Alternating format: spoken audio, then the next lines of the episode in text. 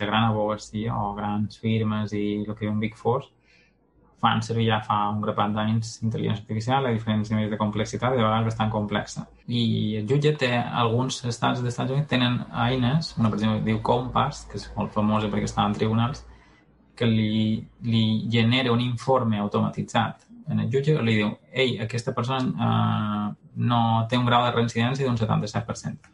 La idea és que tu pots fer-ho servir, però no pots publicar aquesta informació.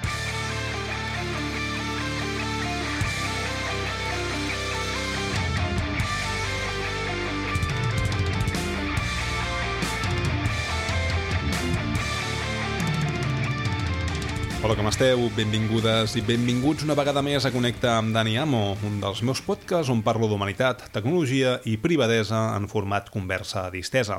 En aquest 24è episodi parlo amb en Jorge Morell, expert en la intersecció entre dret i tecnologia.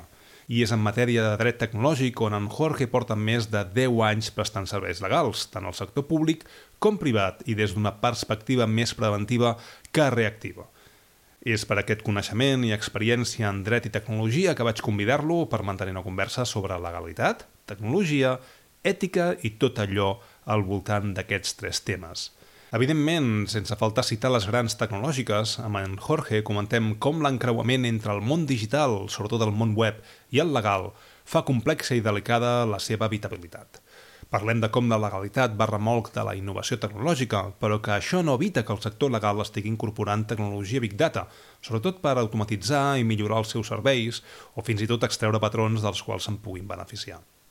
No ens oblidem tampoc de temes ètics i comentem com la falta de drets de certes jurisdiccions es veu aprofitat per d'altres per mantenir usuaris captius en comptes d'aplicar uh, una ètica de negocis, i és que això hagi sigut alguna vegada, digueu-me, eh, crític, però a vegades sembla ser que hi ha coses que no hagin existit mai o que es vegin eh, de forma molt puntual i que la norma sigui aprofitar-se al màxim eh, d'aquests buits legals i que l'usuari doncs, en surti eh, perjudicat en comptes de beneficiat. En aquest sentit, no em puc estar de citar una frase meva que últimament penso que dic massa, i és que la legalitat és la nova ètica i l'ètica una mera opinió sense valor.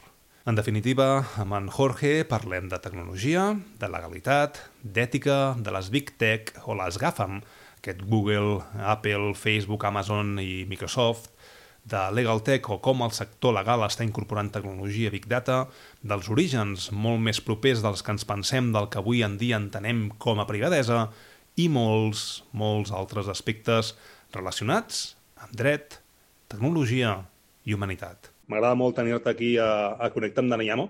És un podcast amb l'eslògan de, de converses disteses parlant de qüestions d'humanitat, tecnologia i privadesa. I, uh -huh. i parlant amb la, amb la Manuela Bataglini, uh, li vaig comentar, dic, escolta, amb, amb, perquè jo faig recerca en tema d'analítica de, de dades educatives, uh -huh. i em diu, parla, parla amb, el, amb el Jorge, perquè vaig fer un parell de preguntes sobre el Legal Tech, i diu, parla, parla amb el Jorge, que ell és l'expert o el metge que pot donar doncs, respostes. Ja sé que quan ens diuen experts és una miqueta com, bueno, potser els que serem una miqueta més que la resta, no? Jo almenys em de, sí, em de un expert així. Sí, és que arriba un punt que en saps un poc bastant i dius, home, potser sí que a tenir alguna idea, però bueno, encara després, quan més saps, sempre t'adones compte que menys en saps, per tant... Exacte. El que passa que també patim una miqueta del síndrome de l'impostor, eh? és a dir... Tothom, tothom, sí. sí. Vull dir, al final, sí, com si saps d'alguna cosa, doncs, sí, sí. doncs en saps i ja està, no? I per això, ostres, de fet fa molt de temps que et segueixo per Twitter, ara ja no hi sóc a Twitter o no, no hi sóc, hi sóc menys, me l'he tret del mòbil i, i realment el consulto molt poquet. Vull dir, si no el tinc al mòbil, realment no, no el consulto, no?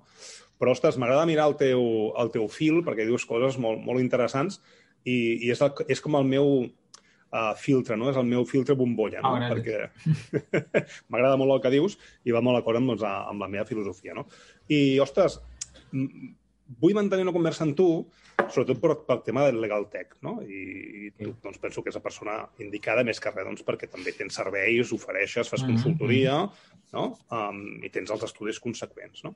Mm -hmm. uh, també vull, vull saber la diferència entre llicenciatura en dret i sí. abogacia. No és el mateix.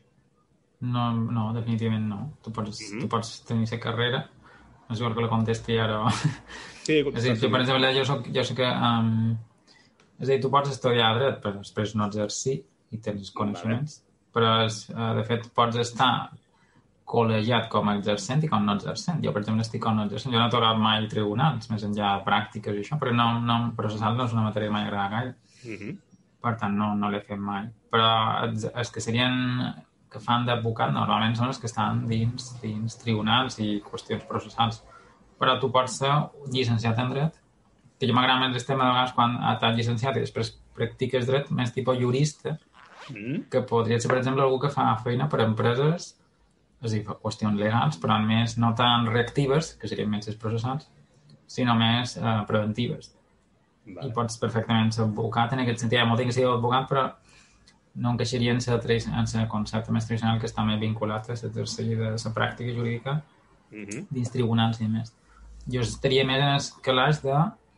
Uh, ja dic, jo, jo estic col·legiat com no exercent, estic a Balears en aquest cas, i jo el que sempre fem més és assessorament legal en noves tecnologies ja fa gairebé 12 anys per a empresa. Mm Per -hmm. tant, la meva part sempre és més preventiva que no reactiva.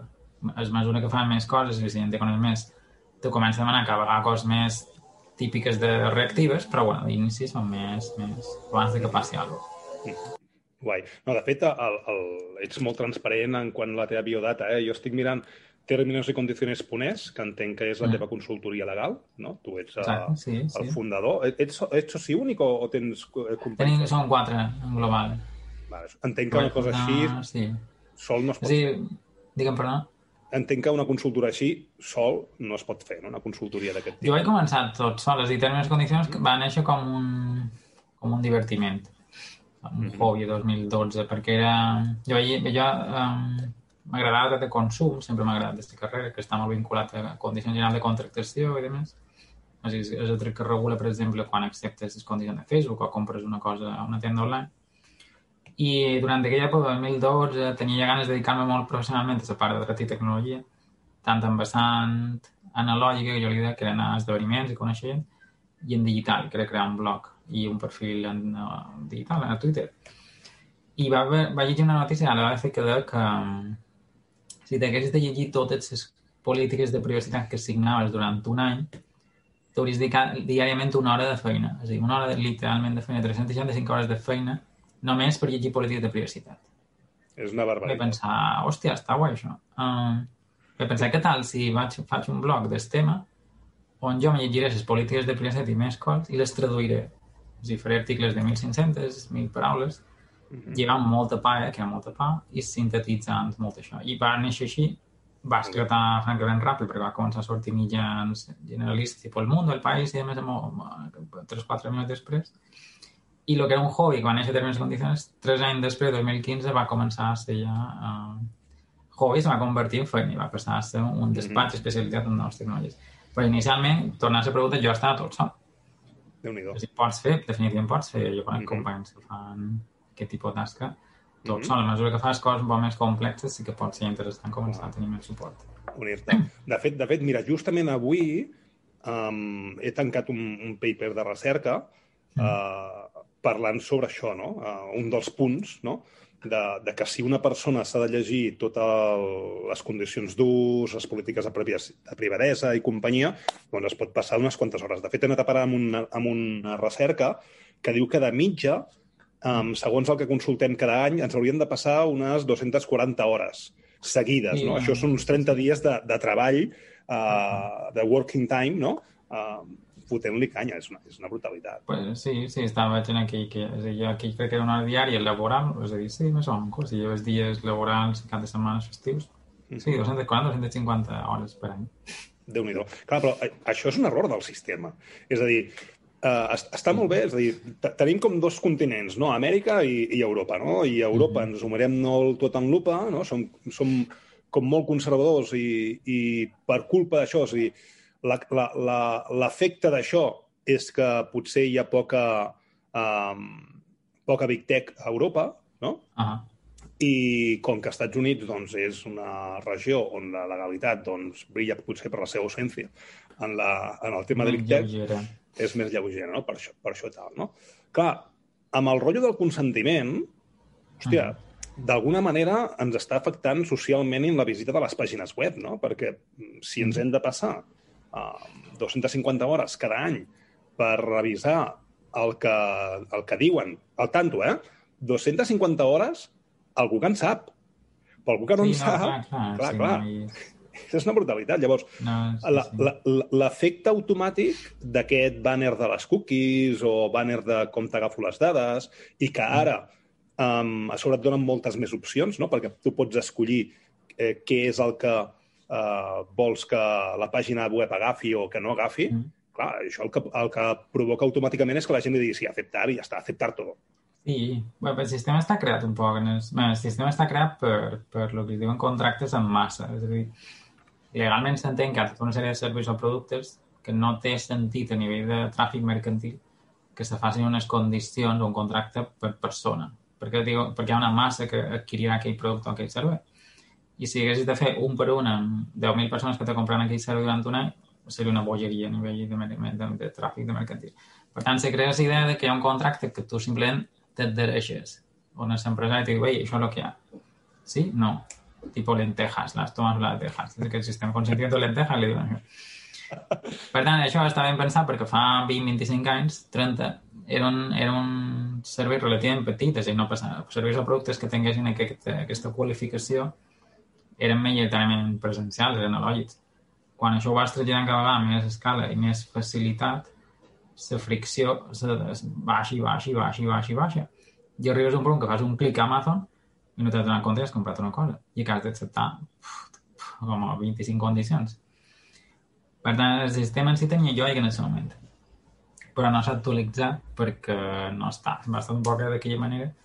I, bueno, i després, uh, no, o sigui, inicialment té, té sentit en si, però després que sigui que sigui tan complex que si gent ja arribi a totalment passar d'això, simplement ja és en plan ok, me dejo llevar, és en plan aquesta sensació de sí, sí, ok, també té, està pensat, és a dir, una vegada que és que entenen com funcionen aquestes condicions, les fan d'aquesta manera, també les construeixen perquè tu te deixis anar. No sé si m'expliques. És a dir, quan t'has llegit moltes, te comences a donar compte que és que les creen i tenen perfectament clar què impliquen. Però també saben que normalment hi ha papers. Jo, en una època llegia molt de papers sobre els temes i condicions i el que implicaven. Hi havia un que va analitzar a la quantitat de segons que si gent tardava en llegir-los fins que, és a dir, des de que fer scroll fins a baix fins que fer clic. I normalment se movien entre 6 i 8 segons. Hòstia, o sigui que no se llegien res, no? era encara, encara ràpid, jo no ràpid, era encara lento. Encara li quedaven temps. Però clar, és que ja són conscients, les empreses, especialment les grans, Big Tech, uh, bé, d'això fan parlar, però han vist que són, són normes amb un poder que anar molt més enllà d'entitats purament privades, perquè Mhm. Big Tech s'ha convertit en organitzacions que mai a la humanitat han tingut tant d'usuaris, que això sona, sona broma, però Facebook té més usuaris que és cristianisme en tota la seva història. Déu-n'hi-do. O la, o la política de privacitat de Facebook és més acceptada per els seus 2.300 milions d'usuaris, 2.400, que és gairebé dues setenes part de la població mundial, i només la superava, jo me'n recordo en dia, un- m'he dedicat a mirar això, la carta de drets, la carta universal de drets eh, humans. Bueno, de fet, ara Aquí- poden, poden ser comptats, no?, en un estat de- d'Estats Sí. Units, de Nevada. Sí. És a dir, quina, quina norma té una aplicació tan brutal com aquestes? No n'hi ha. És dir, entitats, i el més curiós, que són entitats privades. Uh -huh. Per tant, ells han entès aquesta importància. Però n'hi ha tantes i són tan constants i tan, tan apabullants que també han entès que l'usuari simplement eh, accepta i passa. I ja està. Clar, és que, de fet, jo el, el, el Reglament General de Protecció de Dades, tal com està plantejat, jo l'entenc com a una arma de càstig cap a les grans tecnològiques. És a dir, Sí. en realitat, si no hi ha cap mena de, de denúncia, a una pàgina web no vindrà l'Estat o el Tribunal eh, Suprem a dir-li ei, estàs cometent un, un, un frau o un crim o, o és il·legal al teu sí. web, no? Si no, no hi ha una denúncia, no? Però clar, és, és més aviat perquè les, els estats puguin eh, fotre mà, és a dir, ja que entraran aquí sí o sí, almenys en traiem algun, algun profit, perquè han intentat posar algun tipus de, de impost, no? França, de fet, acaba de, de posar una supermulta a Google i em sembla que, Sí, que no, no, no veurà ni un duro perquè Google està dient que en tot cas hauria d'haver sigut Irlanda. Sí, que, eh, no, no? que a Irlanda, sí.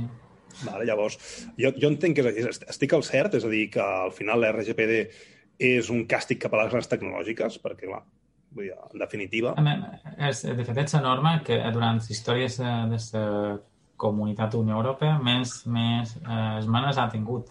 És a dir, en tota la història més de 4.500 esmenes. Eh, és dir, i, és, I és perquè hi va haver tant de lobby, Mm i les esmenes poden ser d'entitats privades i participants i a més. Hi va tant, tanta pressió per lobbies vinculades a empreses de tecnològiques per influir, perquè era una norma que estava majoritàriament pensada, que estava bastant pensat per gran tecnologia. És a dir, que a vegades se queda un poc gran per lo que una pime normal, que és gran, que és 80, vull dir que el 90% del teixit empresarial, el 95, se li queda grossa moltes vegades per estar pensat per gran, gran, gran empresa.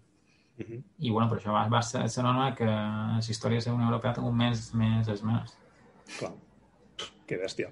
De fet, a, a, a, a mi em preocupa molt, eh? i sobretot en tema educatiu, eh? el fet de la transferència de les dades. Um, ara amb el Brexit ja veurem què passa, no? Perquè, um, clar, ja no estan dins d'Europa, diuen que Sí. hi haurà com una espècie no, de compatibilitat. En Um, teoria, jo crec que la setmana passada hi va haver una, un esborrany, hi ha una cosa que es diu una, una decisió d'adequació, que és quan Unió de, entén que hi ha una sèrie de països, que crec que ara són 13, que 13 que són, tipus Israel o Canadà, que entén que tenen una, un, que si les posen dins una balança, diu, ok, la seva normativa en privaci- en privacitat, com, com és de semblant a la nostra? I dius, ok, és bastant semblant. Per tant, entenen que hi ha una decisió d'adequació. I s'entén que ha, hi ha un esborrany per Regne Unit que s'adapti, mm -hmm. perquè tècnicament és veritat que fins fa 10 dies estava adaptant la nostra normativa, per tant, per jo que hauria de ser així. clar. Però, bueno, també ja han dit que a mig i llarg termini tenen ganes de diferenciar-se. Que llavors, I... què, I- què, què acabarem amb aquestes eh, clàusules contractuals estàndards? Perquè, clar, el, el Privacy Shield, no? el que era abans Sí. el Self-Harbor i que ara és el Privacy Shield, això amb, amb la sentència del Max Schrems, eh, Em va anar a pique. se'n va a pique. Vull dir que al final... Sí, no n'hi ha. No, no, no, O sigui, a, a, a mi m'ha fet molta gràcia perquè ara les, les empreses americanes s'autoregulen elles mateixes i autodiuen, no?, que jo ja, Sí. mm, ja sóc Eh, segura, no?, en quant a les dades. Tal qual, es apliquen eh, alternatives, hi ha altres excepcions per poder fer transferències, unes més així regulades, són les clàusules contractuals estàndard, que tampoc hi ha criteris concrets, és a dir, també hi ha dubtes sobre això i constantment s'estan fent versions noves, hi ha una proposta nova, però bueno, sí, això és, lo, és el gran salvavides ara mateix, que no hi ha molt més. Sí, perquè a mi em feia molta gràcia, per exemple, el MailChimp, eh? que no, no sé si ens, si ens escoltarà o no, però quan va sortir el cas de, de Screms, és a dir, el, el cas 1 i el cas 2, les dues sentències, no? Um, els tios deien, nosaltres és que ens autocertifiquem i t'assegurem que fem les coses bé, no? Bueno, perquè ho diguis Sí. tu, no? Vull dir, al final jo concebo que tot això és com una espècie d'estat de confiança, no? Amb qui confies i amb qui creus que farà les coses més o menys bé. És que així com està construït Safe Harbor inicialment i Privacy Shield després, és que el Departament de Comerç dels Estats Units te diu ei senyor, um, tu estàs als Estats Units i tens unes normatives per fer això internament, tens les nostres a nivell estatal, que bueno, no compta molt, però tens les teves. I veiem que tractes informació personal de ciutadans europeus. Compleixes un mínim de set principis, aquests set principis que té marcat a nivell de Safe Harbor primer i després, les compleixes, sí, de conya, jo dic que sí, en principi, ok. Ok, pues adelante, te dic que, que tot d'acord i, i fet. Però majoritàriament aquest és el sistema. Però el tema és que si hi hi haurà un, nou, un nou mecanisme i mentre no canvi normativa bàsica dels Estats Units, especialment una que es diu Cloud Act i altres semblants, és a dir, que permeten en circumstàncies molt específiques, tipus terrorisme i situacions molt així, però que poden permetre accedir a dades sense consentiment.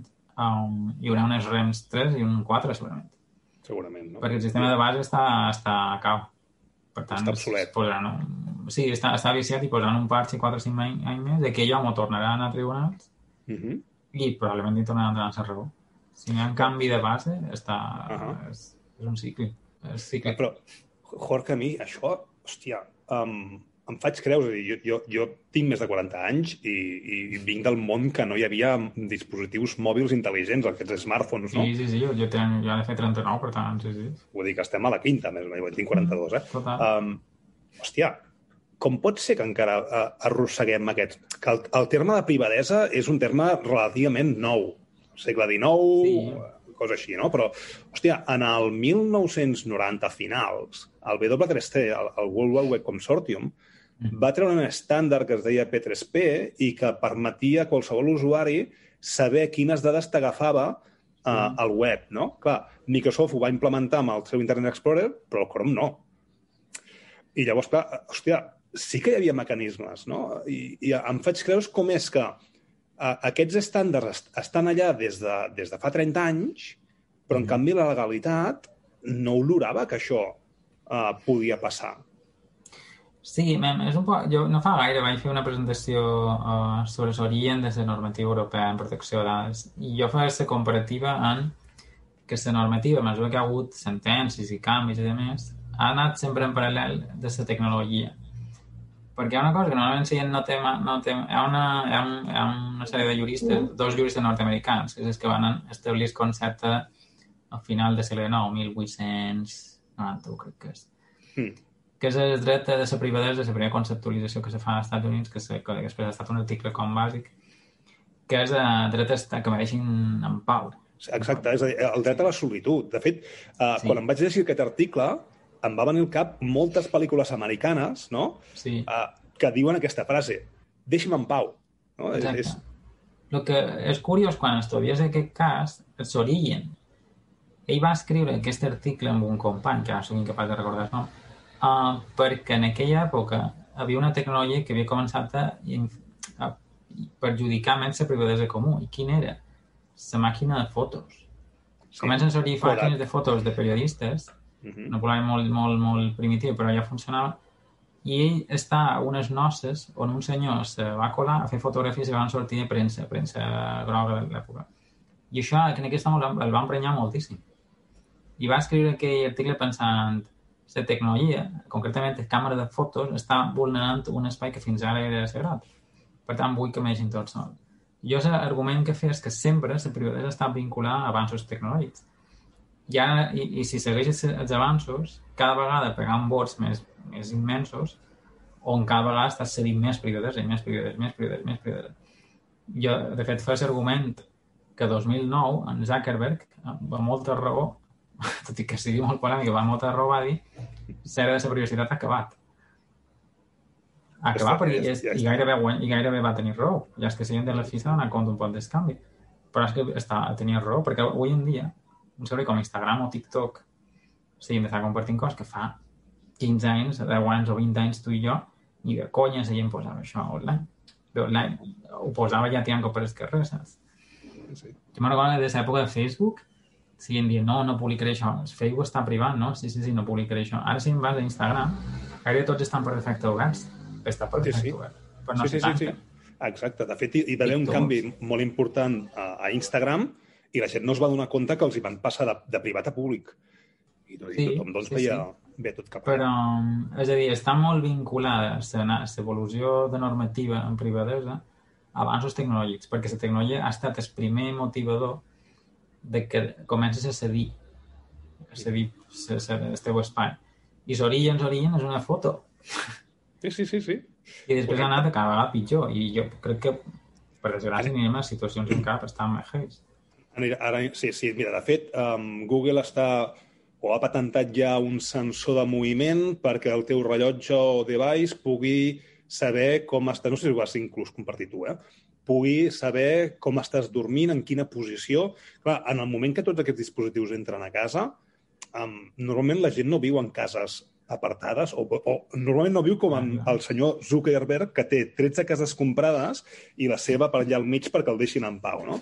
Ah, tu tindràs a un veí a menys de 4 metres de distància que amb el seu sensor podrà saber no? doncs, doncs què fa l'altre veí sense, sense voler-ho, sense saber-ho, no?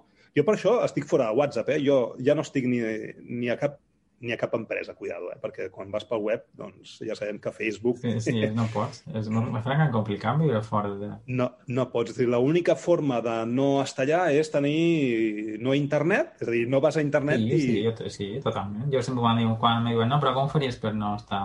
perquè no te segueix? Jo dic, pues, oh, pues abandono internet. Exacte. Listo. És, és que no, no hi renuncia ha a tot el que implica.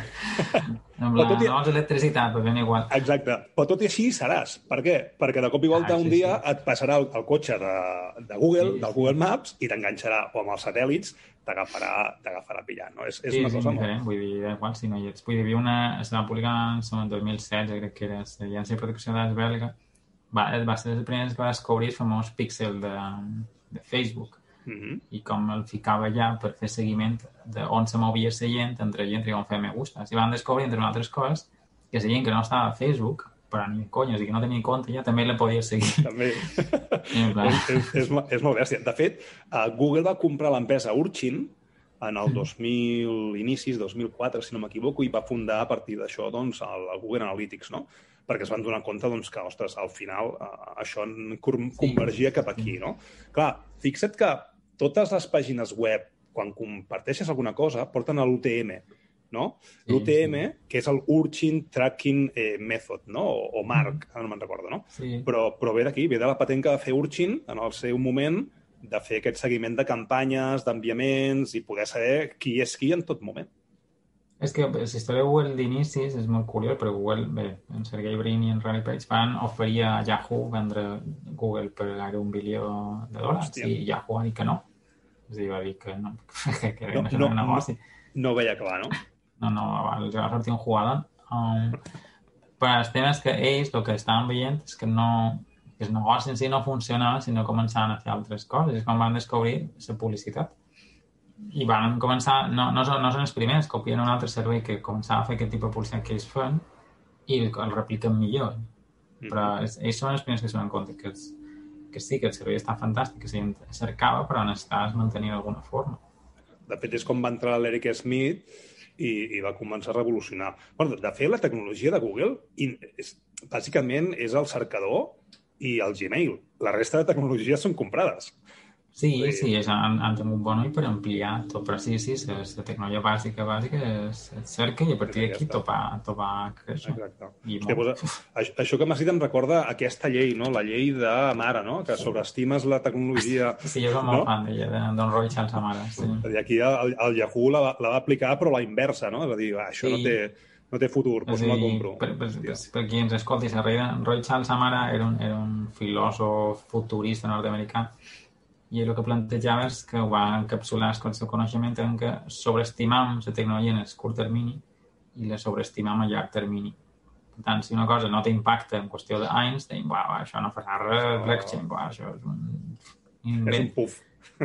t'oblides i el que hi ve dir és que històricament, i, i si jo m'agrada molt història perquè la història t'ajuda molt a entendre el futur, però jo, si, si històricament els grans eh, avanços han duit anys o dècades. Per tant, el que te diu, mentre tu te despistes i dius jo no he tingut impacte, la novetat abans i quan te la trobes, ja és massa tard. I ja, ja la, moltes vegades... Aquí on hi ha les disrupcions, és a dir, quan ve el canvi que, que ni de conya estaves contemplant. Sí. De fet, uh, jo pronostico que Facebook desapareixerà i tindrem Google i Amazon per anys i panys. Si no, és a dir, si Google... Jo dedueixo que Google aconseguirà aquesta intel·ligència uh, genèrica, no?, general, Sí, Ah, sí. i, i Amazon li donarà el, el suport tecnològic per, per poder executar. Però, bueno, Bueno, està això són- invertint molt, però jo crec que han de tenir paciència, perquè just sortien a resultats de... És a dir, ells estan, van invertir en DeepMind, Mhm. que, que és qui està intentant fer aquest gran projecte d'intel·ligència artificial general, però el que deien és que no surt rentable, no? és a dir, que estan invertint una, una barada immensíssima, però que gairebé no guanyen de pes perquè no l'estan no l'estan fent comercialment útil. És a dir, està molt guai lo que surti guanyant a, a Go o a Exacte. StarCraft, però que no dona pasta, això. però que costa un munt d'investigar. Costa molt. De fet, eh, als inicis de la intel·ligència artificial, hi ha, hi ha un llibre que es diu The Big Nine, està Mm. molt bé, i allà t'ho explica molt bé, no? És a dir, als inicis de la intel·ligència artificial van tenir una parada de 30 anys, perquè no hi havia sí. viabilitat econòmica, no hi havia vi- viabilitat comercial, amb la qual cosa, si Sí. fas una tecnologia que no es pot vendre, no es pot monetitzar, doncs te'n te'n desfàs, no? I ara és quan comencem un altre cop. És com si eh, estiguéssim agafant el relleu de fa 30 anys, no? i comencéssim una, un altre cop, no? Bueno, no sé on anem a parar. Eh? Però, clar, Ah, sí. això i, i anem, i anem al, al, teu, al teu coneixement d'expert, eh? Tot i que això de, de dir un expert és, una que, que ens rellisca bastant, jo penso. Eh? Um, clar, tu, tu tens la consultoria Términos i, i Condiciones, no? però també um, tens el Legal Tequis, no? O sigui, que és la segona marca. Exacte, és, és la segona marca, no? Um, clar, el que jo entenc que esteu fent amb la Legal Tech no, és aplicar mm -hmm. aquests conceptes d'intel·ligència artificial mm. a, a la legalitat. No? És a dir, sí. que o sigui, la Legal Tech, corregeix-me si m'equivoco, eh, és aquella tecnologia que els juristes, els que eh, gestionen la llei, no? o l'executen, eh, introdueixen tecnologia d'automatització per exemple, intel·ligència artificial, no? per reduir uh, costos, reduir temps, ah. uh, no? La idea seria aquesta, sí, en general? Sí, és a dir, mentre que Términos i Condiciones és un, un despatx uh, especialitzat en una vertical, en aquest cas de noves tecnologies, uh, Legal Techis són els, els techis per ser Legal Tech, és a dir, els obsessionats per ser Legal Tech. I Legal Tech és una, una no, igual que a FinTech, que és per Financial Technology o a Insurtech, que és Insurance Technology per assegurances, i és altre sector bancari, i Legantech és tecnologia pel sector legal. I és tecnologia, implementar o fer servir tecnologia per dues coses, principalment.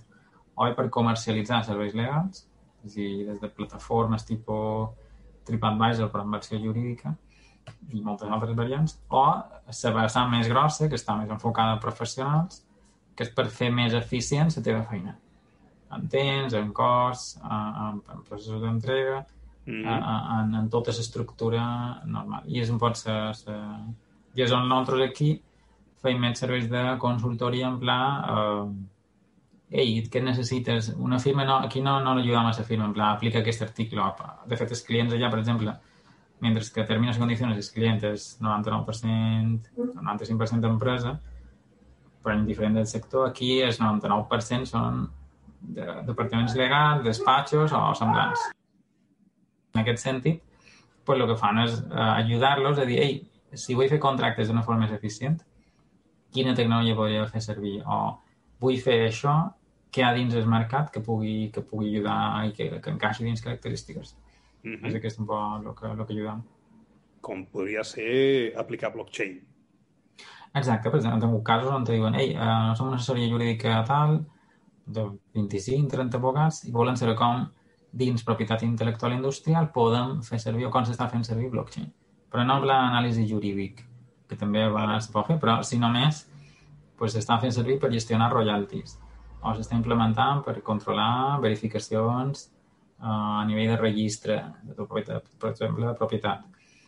Pues, com, com implementar això que s'està fent a nivell de, o s'estan fent servir per fer contractes intel·ligents uh -huh. per, per controlar algunes coses de forma automatitzada.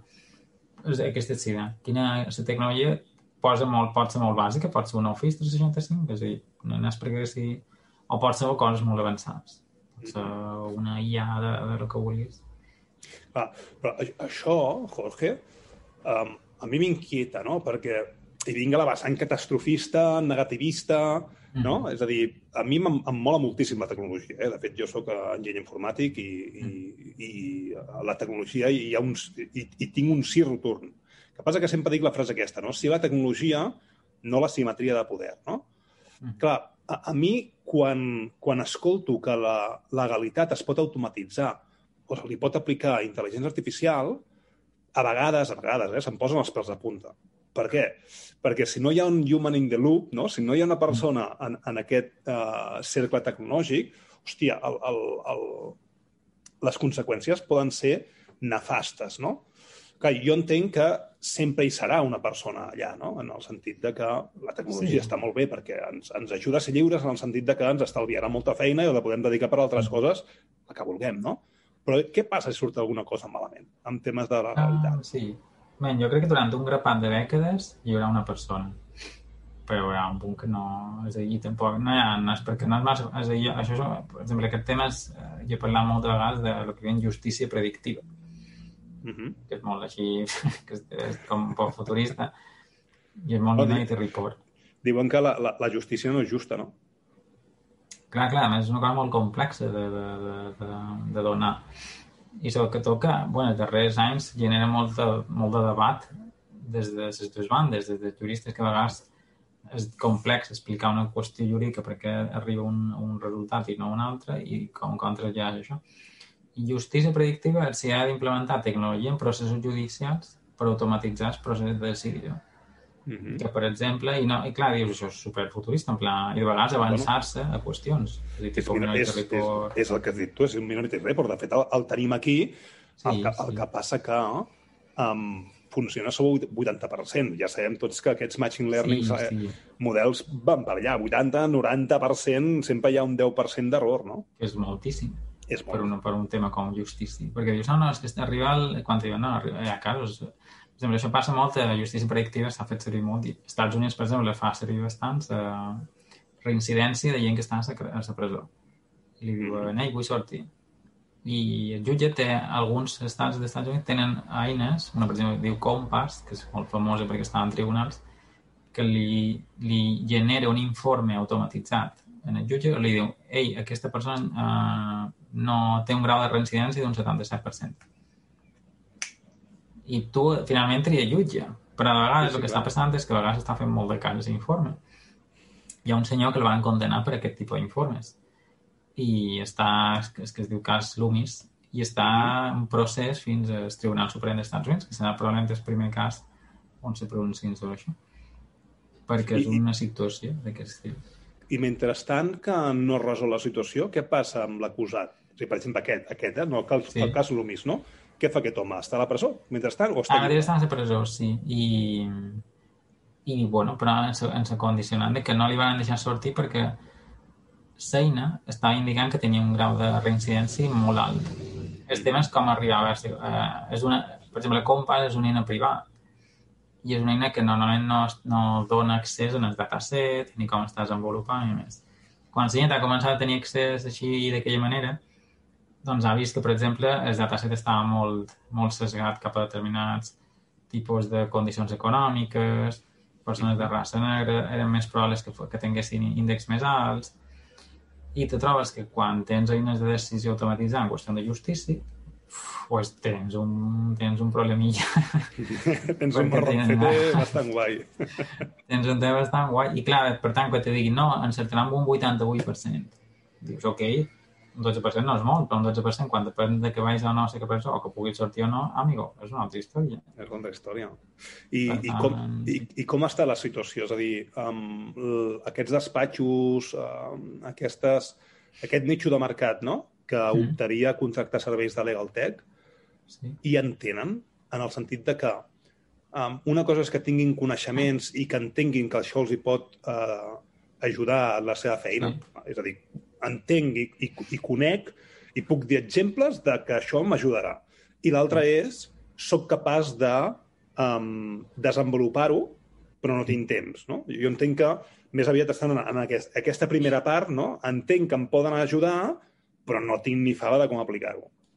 Sí, ha pot de tot. Um, el sector legal és molt, com molt, és molt complex, està molt fraccionat. És a dir, l'advocacia més mitjana, alta, alta, és a dir, la gran abogacia o grans firmes i el que un Big Four fan servir ja fa un grapat d'anys intel·ligència artificial a diferents nivells de complexitat i de vegades bastant complexa.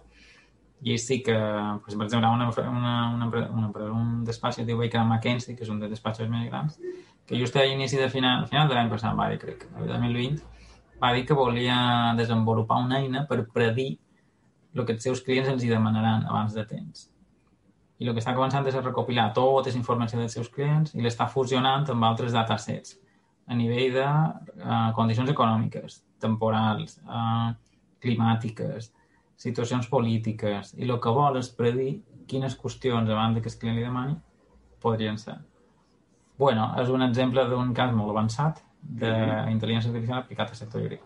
Altres són més, són més complexos, per exemple, casos on Uh, això fa ja uns anys que passa. Tu pots saber, per exemple, especialment als Estats Units és més senzill, saber quina és la tendència d'un jutge.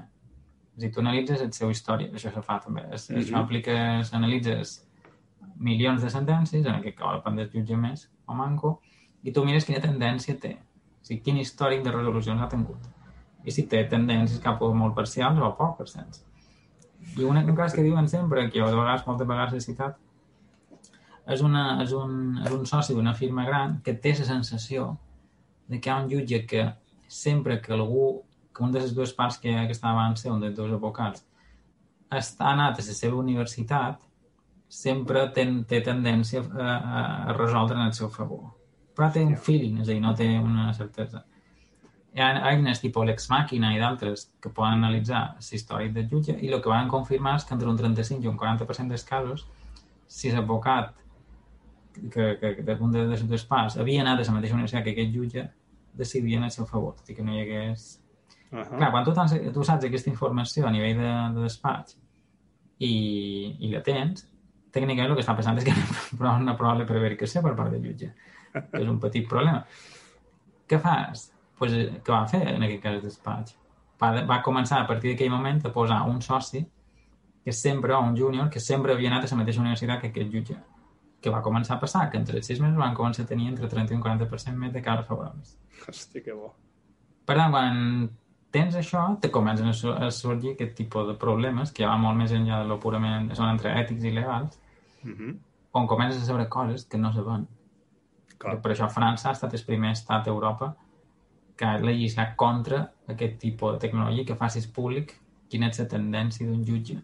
Mm -hmm però també no, per ser, no sempre per ser bones raons, perquè ho va fer perquè d'un cas on es va començar a fer un històric de jutges que fan feina a l'estrangeria, se van donar compte que alguns jutges sempre decidien 100% en un sentit o 100% en un altre. El qual és un poc parcial. I no va agradar molt en els jutges perquè van sortir noms i cognoms qui estava fent això. Per tant, quan ha sortit molt d'aquest software que analitza això, patrons de conducta de, de, no només de jutges i també d'advocats i de um, van prohibir per llei que s'ha fet servir, que s'ha fet públic, això. Hòstia. No, ah, vale. no, no que no s'utilitzés, sinó que els resultats no fossin públics. Sí, és que tu pots fer-ho servir, però no pots publicar aquesta informació. No pots bueno, dir però... jutge tal. Vale. Però sí que pots fer servir al teu favor. Que passa que sí, això... Pues, sí, és que sí, però clar, després de bones, és a dir, no, no limita a més que se comercialitzen aquests serveis a França, mm -hmm. però sí que puguis uh, fer anàlisi d'alguna manera que condicioni. Clar, tu tens un, un ganivet, al final, eh, les sentències, en certa manera, són públiques, entenc, no? no? Sí, sí, però jo crec que sí, exacte. Vull tu, de fet, aquí, més, aquí també hi ha eines que fan a Espanya. Eh, per exemple, una que es diu eh, jurimetria, que analitza el patró de conducta d'un jutge o d'un advocat durant anys i veus si ha resolt a favor, si, per exemple, l'advocat ha guanyat més casos o menys casos, per exemple, per mm -hmm. saber... Això també se fa estar per saber si Uh, Jorge té un 79% d'èxit i un altre té un 84%. Mm -hmm. Com 84 és més que 79, aniré cap a l'altre. Allà. Però això, això, a veure, això està bé en el punt que, que, que no es generen asimetries de poder. Què vull dir? Que si tots els advocats o tots els mm -hmm. gabinets no, d'advocats tenen la mateixa informació, si en el cas del jutge aquest hi van dos advocats de la mateixa universitat que el jutge, llavors se suposa que hi haurà una, una imparcialitat, no? Sí, Vull dir que... però clar, tampoc no hauria d'arribar a aquesta situació. El tema és que això s'ha de plantejar un cas a Irlanda fa un grapat d'anys si és fet de tenir aquest tipus d'eines, perquè encara són costoses moltes d'aquestes, no, tot, no tothom té accés. Si accedint a aquest tipus d'eines està generant un, un, està en contra, contra en el principi d'igualtat, mm -hmm. perquè un despatx pot tenir més recursos econòmics i li permetia fer tota una sèrie d'avanços que l'altre no tenia. I això també que no va, no va arribar a resoldre-se, però va resoldre internament, però bueno, se va plantejar. Perquè vosaltres teniu un, un, un codi hipocràtic, teniu un codi d'antològic, ètic, sí, sí. pel que regiu. Sí, sí, tenen codi d'antològic. De fet, és una de les condicionants que més històricament ha limitat que l'advocacia sigui molt pro-innovació i, i pro-tecnologia. Perquè sembla, internament és, un, és, un, és una indústria que s'autoregula Mm -hmm. Té el seu codi d'entroi i bastant, a més, està vinculat a un, a un poder públic, que és el poder judicial, tant té tot un paper que històricament està, està molt condicionat. És a dir, de pensar que l'advocacia fins fa 40-45 anys que no, està, no podia fer publicitat. Tenia prohibit Hòstia. a nivell màxim. Uh -huh. I de fet encara hi ha bastant d'advocats més, més grans que no volen veure fer publicitat. Clar, I, aquí, bueno. aquí està quan ens trobem, i jo tinc, tinc una frase que, que, que potser no hi estàs d'acord, eh? però jo sempre dic que ara mateix i, mm. i no, en el, no en el context legal, no? sinó en el context empresarial. No? Um, la legalitat és la nova ètica i l'ètica mm. es fa servir com una opinió. No? I, I poso un exemple. Um, hi ha un treballador, un cas de Twitter, eh? No sé si el vas compartir tu, ara dubto, no? Perquè, hòstia, hi ha moltes coses que tu posteges que jo faig reenviaments, no? Però, ostres, era un tio que mm, per mala sort va crear una compte gratuïta al New York Times, no? Ah i els hi va enviar un mail al New York Times dient, escolta'm, si us plau, dona de baixa aquesta compte perquè és la meva compte de la feina, no la vull fer servir. I el New York Times li va enviar un mail dient um, saps què passa? Que en la teva jurisdicció no tens el dret de que jo et borri la compte, amb la qual cosa no te la borraré. Hòstia, clar, això és legalitat, això no és ètica. Èticament, no?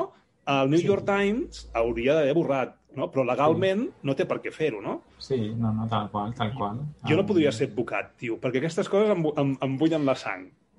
És, clar, és una de les avantatges que han, que han aprofitat els termes i condicions de les grans tecnològiques. Perquè la normativa, clar, històricament ha estat condicionada per fronteres. Mm -hmm. Però les Big Tech jo per això els he dit fa de molt d'anys ja, els dic que són prestadors de serveis estat. És a dir, jo els he dit prestadors estat, perquè si tan, són, primer, són tan grans que tenen més població que molts països del món, més que Xina i més. Tenen normativa pròpia i tenen, tenen avantatges, però són normativa d'àmbit mundial. Perquè, per exemple, Facebook només hi ha condicionants a Alemanya perquè té un sector eh, organitzacions de consumidors molt heavies i ha intentat sempre posar limitacions, però WhatsApp. WhatsApp canvia una política de privacitat i la canvia a nivell mundial. I ahí te quedes. Vull dir, hi ha quatre ajustaments aquí, o per que Europa té algun avantatge i demés, però en general això no ho pot fer un estat, però un estat eh, no. té limitacions. I... Bueno, a, a no ser que, que siguis un estat totalitari, no? Sí, però clar, i fins i tot, però només li afectarà dins el seu àmbit. No, no, és a dir, quan Facebook o Google o, o a més canvien una norma seva que afecta mm -hmm. a nivell mundial tot, pot afectar algú que està a Hong Kong, però afectarà algú que està a Hong Kong o per estar a Xina i qui sap. Però afectarà algú que està a la Índia i afectarà algú que està a Dinamarca. Mm -hmm. I, bueno, per això han arribat ara, que ja és un tema que, que, que m'encanta molt, perquè és, és, jo crec que anem cap a cert feudalisme digital. Tinc una teoria un poc així heavy, que és que entre, en 30 40 anys, quan nesquis, una de les coses que podràs triar és a quina, a quina plataforma vols pertànyer, un Facebook, un Google, el que sigui, perquè probablement sí. tindran serveis tan heavies que són. Clar, Facebook ara ha creat el seu Tribunal Suprem. Intern, sí, sí. Que és, Clar, és... I, I ell decidirà qui pot pujar què, qui pot pujar què no, i si el sí, Zuckerberg és, és... és, segueix sent el CEO o no. Eh, clar, és, és, una, és, una, jo, és, és, és com els sistemes medievals on hi havia sistemes propis de justícia privats Ara tens una empresa que és la més gran, és a dir, mai és història de la humanitat, això s'ha de dir moltes vegades perquè em xoca, però mai és història de la humanitat hi ha hagut una organització que tingui dades personals de més de dues setzenes part del món, és a dir, més de gairebé 2.500.000. Ok. Mai. Això és, això és, mai, mai. No, no, no. molt, és molt, es viu ràpid, eh? però és molt bèstia. Eh, és molt bèstia. I, vull dir, jo crec que molta gent no, no, no, no, no ha processat això. Doncs pues ara aquesta organització té un tribunal propi i quan si retiren un contingut teu, tu pots recurrir i ells resoldran internament això. I potser te quedaràs allà perquè no vols anar més enllà.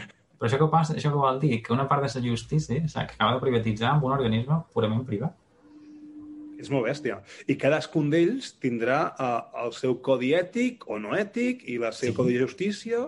Sí, sí, sí. I ja tinc, jo l'altre dia publicant just el procés de creació d'aquest Tribunal Suprem que està heavy, han triat com un de jutges, gent super destacada i tal, ja estan en procés, han, han tingut les primeres cinc sentències, van publicar a principi d'any. I, bueno, una cosa que han de decidir, per exemple, és sobre si la compte de Donald Trump serà o no eliminada definitivament. Però no ho decidirà un tribunal, de fet. Si... és, és, és, molt, és, és, molt... és, molt, és molt xocant. És a dir, però això és legal? És a dir, una empresa pot generar un tribunal suprem de l'empresa?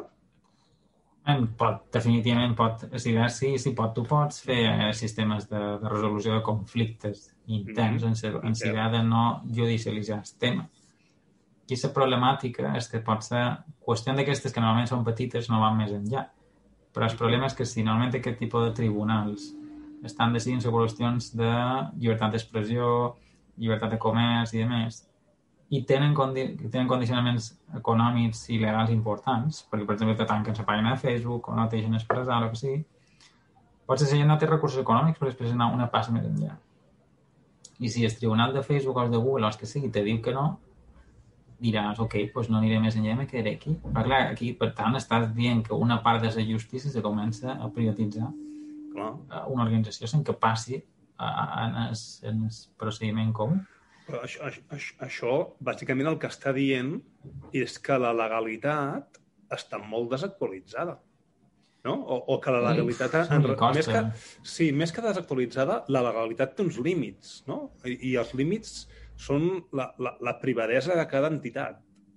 Podríem entendre sí, així? però és clar, també hi ha el problema de que estàs jugant amb, amb, amb organitzacions que ja dic, històricament no han existit mai. Clar. Vull dir, per, per seu gigantisme, per, Sí, sí. és a dir, Dinamarca fa un grapat d'anys va crear un, una ambaixada digital només per parlar amb empreses tecnològiques Big Tech perquè, perquè les concebia com a estats. I és que ho són, jo, jo vull dir, són, són semiestats, tenen normativa pròpia, l'apliquen superbé, és hiperefectiva, ni de conya ni ha norma a nivell de cap, de cap país que sigui tant, que se canviï amb tanta facilitat. Mhm. Mira Facebook. Facebook és un servei que... A Facebook, a WhatsApp és un servei que per molta gent és, és vital. Jo crec que tens la teoria que si el tessin hi hauria manifestacions. Estic convençudíssim, eh? Vosaltres no hauria, però aquí sí. Um, Facebook, dia 15 de maig, te canvia condicions, les tomes las dejas, tipo lentejas. Exacte. Bueno, que després es va retractar. Quan va veure que la penya s'anava Sí, sí, sí. cap a Telegram, va dir, no, no, e- és un farol, no pensàvem eliminar Però res. se va retractar a nivell de donarem més temps per explicar el canvi. No han canviat, un, no han canviat res. No en canvia res. Sí, però sí que van dir, van dir, no pensàvem eliminar comptes d'usuari. Sí, no, t'han inventat un sistema que és artificialment crear comptes inactives. És a dir, en pla, ei, no, no, no et setes les condicions. Un parell de setmanes te deixarem rebre missatges per, Mhm. per donar-te, en pla, ànsia de que ho facis i després te deixarem el compte ja. I quan tornis, ok, però mentrestant, cau. Cau. No, però I és curiós, eh? amb un botó i un dia. Hosti, És molt bèstia. De fet, jo em, em vaig donar de baixa en el perfil. I vaig donar... Mhm. eh, vull donar-me de baixa en el perfil. has d'eliminar perfils. Si simplement elimines l'aplicació... No, no, no, exacte, no, però en, en el WhatsApp li vaig donar, no? Però encara em veuen actiu i em poden enviar missatges i no diu que, que el Dani Amo no hi és. I vaig llegir les condicions Sí. i posa el teu compte pot estar actiu durant un mínim de 120 dies. Això t'anava a dir, crec que són eh, 90-100 dies, més o menys, jo. Sí, sí. Molt bé, són 4 mesos. O sigui, el meu compte... temps, és a dir, temps. eh, tothom, per això, molta gent em deia eh, que no, no, ja no et caic bé, és a dir, que, que no em contestes. No, no, és que no hi sóc a WhatsApp, vull dir, no, no hi vull estar perquè em sembla que, que, que és un perjudici social molt bèstia, no? Que a veure, que, que sempre, sempre podem acabar en, en el abogato, no? Sí, sí, vamos a votar a abogato, que això és, és un gran, és un gran descobriment. és, un gran, és un gran cas de tecnologia legal tech no mal servida. Bueno, que jo meu pobret no sabia donar-li un botó per llevar... Bueno, que la història interna és que això ent- està fent servir l'ordenador, l'assistent o la secretària. Mm -hmm. Crec que la secretària o algú de, o fills o no sé què secretària havien fet zoom i s'havien posat una, una cara així, un Una cara filtre d'aquesta. de moix i van començar a fer judici telemàtic amb aquell, amb aquell ordenador i aquell zoom. I clar, estava el moixet ja posat i, i aquell no Jo, mira, donar-li- Quan el tio va dir no sóc un gat, aquí ja, aquí ja has de dir. I ja, jo O sigui- dient, sí, sí, sí, ja ho Sí, veig. sí, ja veig que no ets un gat, no cal, no cal que ho diguis, no? La, la- la, la, vegada és que és, és molt bèstia, no? Però és, és un cas clar, per això et preguntava, no? Quin és el nivell competencial, no?, en temes de, de legal tech de, de cadascun dels advocats, no? Mem, eh, històricament, baixet. I se, són, hi ha molt, se dona per, per, això dona per, per fer mil programes, però històricament eh, ha la resistència, camp, una, tres idees molt vàlides. Nosaltres, com a advocats, estem entrenats per evitar risc, Mm -hmm. vull dir, mos, mos eduquen per això, vull dir, a nivell del que hem d'aprendre. Estem entrenats per fer les nostres tasques basat en antecedents, en històric, pur i dur. I després, eh, la pròpia la pròpia forma i litúrgia en del, del sector legal no, no premia normalment avançar-se. És a dir, s'intenta, la idea és que tu se segueix que un sistema molt mimètic de lo que fas, si és de, de vora ho fa, mm -hmm. ok, me començaré a pensar. Aquestes tres coses fan que normalment no s'adoptin tu no adoptaràs tecnologia molt puntera perquè implica risc. I jo m'han dit que no, no, no agafi coses riscoses perquè legalment poden implicar problemes. Clar. Constantment estic estudiant antecedents, que és jurisprudència. Per tant, no estic cercant el que passarà en el futur. Jo m'interessa el que va passar fa 10 anys. Clar. Per tant, és un altre element. I després el fet que no hi ha, intent, no hi ha tendència això, això part, forma part de la psicologia i que és un tema bastant guai, la psicologia és però no hi ha, no hi ha tendència de destacar-se per no quedar malament. Mm -hmm. En plan, per si, per, perquè... per si et surt rana, que no... Sí, però hi ha una cosa que, que és bastant curiosa, que dins legal té, nosaltres hem hagut d'estudiar molt, perquè quan implementes aquestes coses, més de vegades és un problema de cultura interna d'organització que no de tecnologia en si. Mm -hmm. I és que l'època no ens ens considerem molt intel·ligents o intel·ligents perquè fem, estem tota una sèrie de tasques molt abstractes, un coneixement molt abstracte. I per tant, considerem, es, pues, se considera un perfil intel·ligent en si mateix. Mm -hmm. Per tant, no vol quedar, no vol avançar-se a fer coses que podrien ser diferents, però no quedar malament respecte al grup. Mm -hmm. I per tant, si el grup no dona suport a la decisió de prendre una tecnologia o una altra, ei, jo no vull quedar malament. Clar. Quan ho facin a tothom, prefereix que arribar tard que no és primer. Ok. I això condiciona molt el sector. Eh? Clar. So, això Va, és... puc, puc entendre perquè la legalitat està uh, en el punt que està, eh? I si, si aquesta, aquesta cultura és normal. A mi, sí. i, i, i per anar acabant, eh, perquè portem ja una horeta, uh, jo no sé com, com ho tens tu, eh? però jo d'aquí poquet doncs tinc, tinc sí, classe. Sí.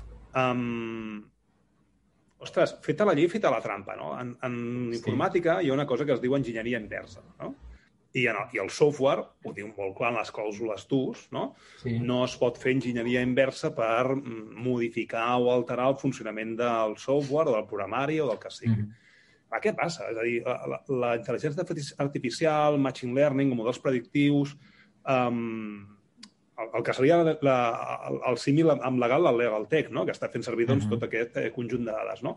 Per exemple, en temes de l'assegurança. Ara, justament, mira, abans de, de connectar-nos he, he mirat una miqueta el teu, el teu fil i he vist doncs, que hi havia persones que agafaven el mòbil, el posen en un dispositiu que va comptant passes, d'aquesta forma doncs, hi ha alguna assegurança que, que diu si no fas 10.000 passes al dia, doncs et sí. pujo el tipus d'interès, no? Sí, sí, sí. Clar, um, és, va una miqueta pel que estàs dient, no? Clar, si tu poses una cosa supernovadosa i resulta que hi ha algú que fa enginyeria inversa i no hi ha cap llei que, o que hi ha un buit legal i que no és que estigui permès fer-ho, sinó que no hi ha res que digui que no es pot fer, sí. hòstia, poden trobar per tot arreu. Tant, el que a vegades se diu erròniament és alegal, un tema és legal no és que sigui legal. Legal no és legal, potser no està regulat o sí, pues mira, no, no, no és legal. El que a vegades està passant en tecnologia i privatats d'intel·ligència artificial i qüestions jurídiques és que és una teoria d'en Lawrence Lessig, que ja fa, fa més de dues dècades, però cada vegada més present, i ell el que venia a dir al final dels anys 90 és que el codi, el codi de software, arribaria un punt on the, the, code, the code is to be low, és a dir, que així com la, tecnologia està evolucionant, sobretot evoluciona més ràpid que la pròpia llei, el propi codi informàtic se convertiria en llei. I això està passant cada vegada més, perquè, per exemple, si tu vas a un banc o una assegurança i demanes un préstec, l'algoritme de vegades està decidint si tu accedis o no a això. Per tant, el codi informàtic i els seus datasets i els seus particularitats de vegades no estan ni valorant la llei, no saben ni de què estàs parlant però el codi, el software, s'està convertint en llei. I això està passant molt, un cas molt divertit que fa una setmana, crec, és que els policies dels Estats Units s'han descobert que perquè no els registrin en la càmera, el que han de fer, especialment en directe, el que han de fer és posar música de lo que sigui i el sistema automàticament detecta que és música en llicència i automàticament s'apaga. Ostres, que bo! Què estava fent això? Que el codi, codi font, és llei. Perquè han de descobrir que el sistema diu, no, no, no, no tipo Twitch i coses aquestes en streaming, detecta codi, això va passar no fa gaire també eh, amb Metallica una altra vegada. Detecta que podria ser música que vulnera drets i automàticament tanca, tanca, tanca streaming. Streaming, sí, sí. Per tant, se, se, ja, acaba de ser totalment viciat per un tema de codi. Totalment. Per tant, eh, és, és una teoria que a vegades sembla més, més o que llunyana, però que a vegades més present. I que sí, el codi bueno, font en si se converteix en norma. Bueno, és el que diu el Benjamí Villoslada, no? El que serà codi serà. Vull dir, al final sí, tot, sí, sí, va, tot serà codi. Línia, va, línia, tal qual. Tal qual. I, I, bueno, i a més, més, codi decisional. Vull dir, ens agradi exacte, o no, exacte, la decisió serà així. Tal qual, el que dèiem de justícia predictiva serà codi. Mm -hmm. Que fort. dir, Jo, mentre França que hi hagi- Fa... Mhm. bueno, a França des de 2018 té un projecte de reformes de justícia que vol que 2, milions, sí, 2, milions de casos anuals és de, que estan entre 5.000 i 6.000 euros siguin resolts per, per un robot, o sigui, per, per un algoritme, Uh -huh. que només intervengui un jutge quan hi hagi rec- recurs. Vull dir, no està tan lluny, això. No està tan lluny. bueno, sempre que hi hagi la possibilitat de que hi, ha, hi pugui haver un recurs, uh, Sí, però eh, tornem en el cas que dèiem abans del Tribunal Suprem de Facebook.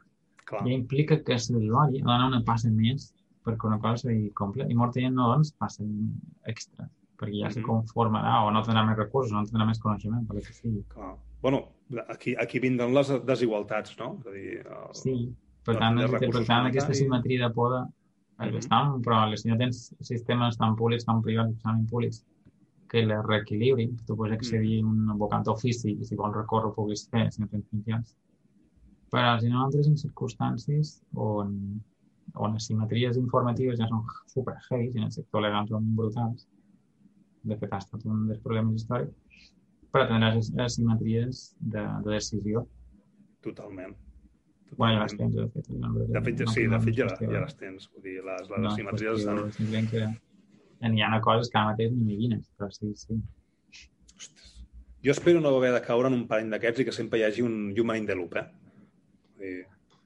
Jo, el, pla meu és, és, Hòstia, és com... Jorge, quan, quan bufes em fas patir, eh? Perquè... Jo el meu pla és com... És, no, no, no, jo, jo crec que arribem a, anem a, no sé, és una, una teoria així com jo la veig. 20, 30, 40 anys anirem a urbes hipervigilades, és a dir, jo no crec, no, no crec que sigui bon pla viure a ciutats, perquè ciutats serà francament fàcil reconèixer gent per gaire mil coses, per rostre, serà- per cara com camini...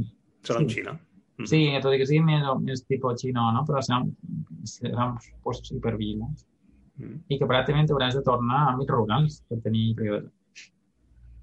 Sí, o sí. molt aïllats, perquè si no només tornaràs, tornaràs a tenir... Però qui se podrà costejar això? Pues tornar a un tema de probablement grans urbes, viuran més. Exacte. I De fet, ara- Ara, ara s'ha vist amb el tema del Covid, no? I el que dius de, de, del te tema rural, tindràs més privadesa, que no vol dir que tinguis privadesa. De No, fet, no, no, això és... clar, amb, amb el tema del Covid, clar, tema del Covid, moltes persones han volgut anar al tema rural perquè han dit un altre confinament en un pis de 50 Mm. metres quadrats és que ens tirarem els pèls eh, contínuament, no? I hi ha Sí, molta sí, gent que sí. no ha pogut marxar per això, perquè no... Ja, ja hi ha simetries de poder. Tal, local, sí, senyor. I, I, bueno, sí, quan entrem en mega, megapotències, comprant o lluitant per mega intel·ligència artificial i Skynet vengui i ens tiri bombes per tot, pues bueno, ja deixarem aquí i ja està. I es passa pel tu, llestos.